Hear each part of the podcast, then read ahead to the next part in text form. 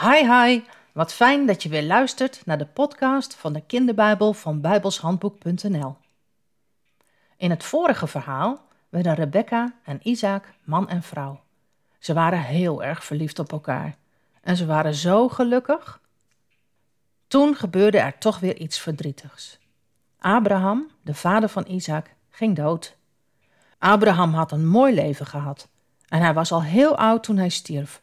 Hij is 175 jaar geworden.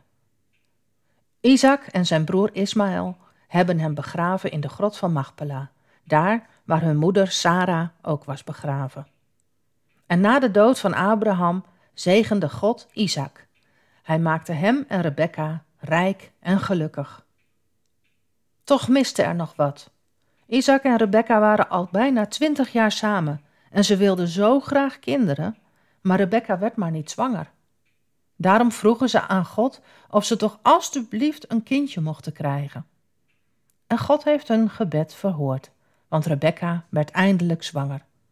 Wat waren ze blij, eindelijk.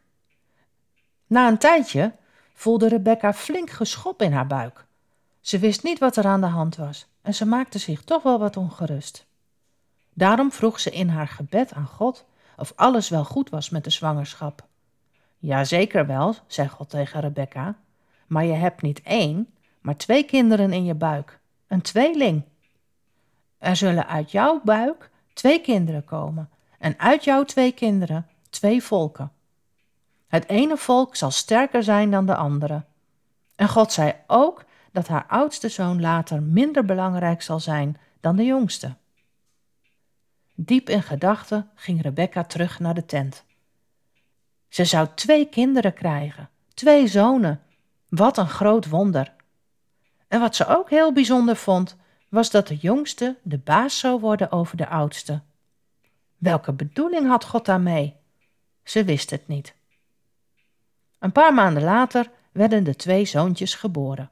De eerste zoon die geboren werd, was meteen als baby al heel erg behaard. Daarom kreeg hij de naam Esau, want dat betekent met haar bedekt. Vlak daarna werd de tweede zoon geboren. Hij had zijn handje nog vast om de hiel van zijn broertje Esau, en daarom noemden ze hem Jacob, want die naam betekent hielvasthouder of verdringer. De jongens waren heel verschillend. Dat werd steeds duidelijker toen ze ouder werden. Esau was heel graag buiten en hij werd een jager. Hij was alle dagen met zijn pijl en boog in het veld om wilde dieren te schieten. En die bracht hij dan mee naar huis, zodat ze vlees te eten hadden. Jacob hield daar niet van. Hij was een stille, rustige man die liever bij de tent bleef. Rebecca en Isaac waren natuurlijk heel blij met de tweeling en ze hielden veel van hun kinderen. Toch was er een verschil. Isaac vond Esau de liefste en Rebecca hield net iets meer van Jacob. Waarom? Nou, Isaac was dol op het vlees dat Esau mee naar huis bracht, na de jacht. En Jacob was het lievelingetje van Rebecca, omdat ze wist dat hij uiteindelijk de grootste zegen van God zou krijgen. En Jacob wist dat ook. Hij was niet de eerste die werd geboren, maar hij zou wel het eerstgeboorterecht krijgen. Het eerstgeboorterecht zou voor Jacob betekenen dat hij twee keer zoveel van de erfenis zou krijgen dan zijn broertje Esau. Het zou ook betekenen dat hij het hoofd van de familie zou worden, als zijn vader Isaac dood zou gaan. En het belangrijkste van alles zou zijn dat hij de eerstgeboortezegen van Isaac zou ontvangen. Jacob kon niet wachten tot hij die zegen zou krijgen, want dat beloofde ook veel rijkdom. God had dit tegen zijn moeder Rebecca gezegd, maar hoe hij ooit aan dat eerstgeboorterecht zou moeten komen, dat wist Jacob niet. Op een dag kwam Esau moe en hongerig terug van de jacht. En Jacob had net een lekkere maaltijd gemaakt. Rode linzensoep met brood. Dat zag er heerlijk uit, vond Esau. Hij had honger. Dus hij zei tegen Jacob: Hé, hey, geef mij eens wat van dat rode spul. Ik ben moe en ik heb reuze honger. Dit is mijn kans, dacht Jacob.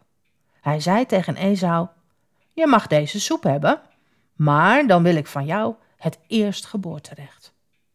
Ik wil nu eten, riep Esau, Wat kunnen mij die rechten schelen? Daar heb ik toch niks aan. Toen zei Jacob: Ik wil dat je het zweert. Beloof me dat ik die rechten krijg. En dat deed Esau. Ik zweer het. Geef me nu maar snel wat van die rode soep, zei hij. Ha, dat is mooi, dacht Jacob. Het eerstgeboorterecht is van mij. Dat heb ik slim gedaan. Blij gaf hij zijn broer Esau een bord vol met linzensoep en een stuk brood. En Esau begon hongerig te eten. Hoe het verder gaat met Jacob en Esau hoor je de volgende keer. Luister je dan ook weer? Tot dan. Hi hi.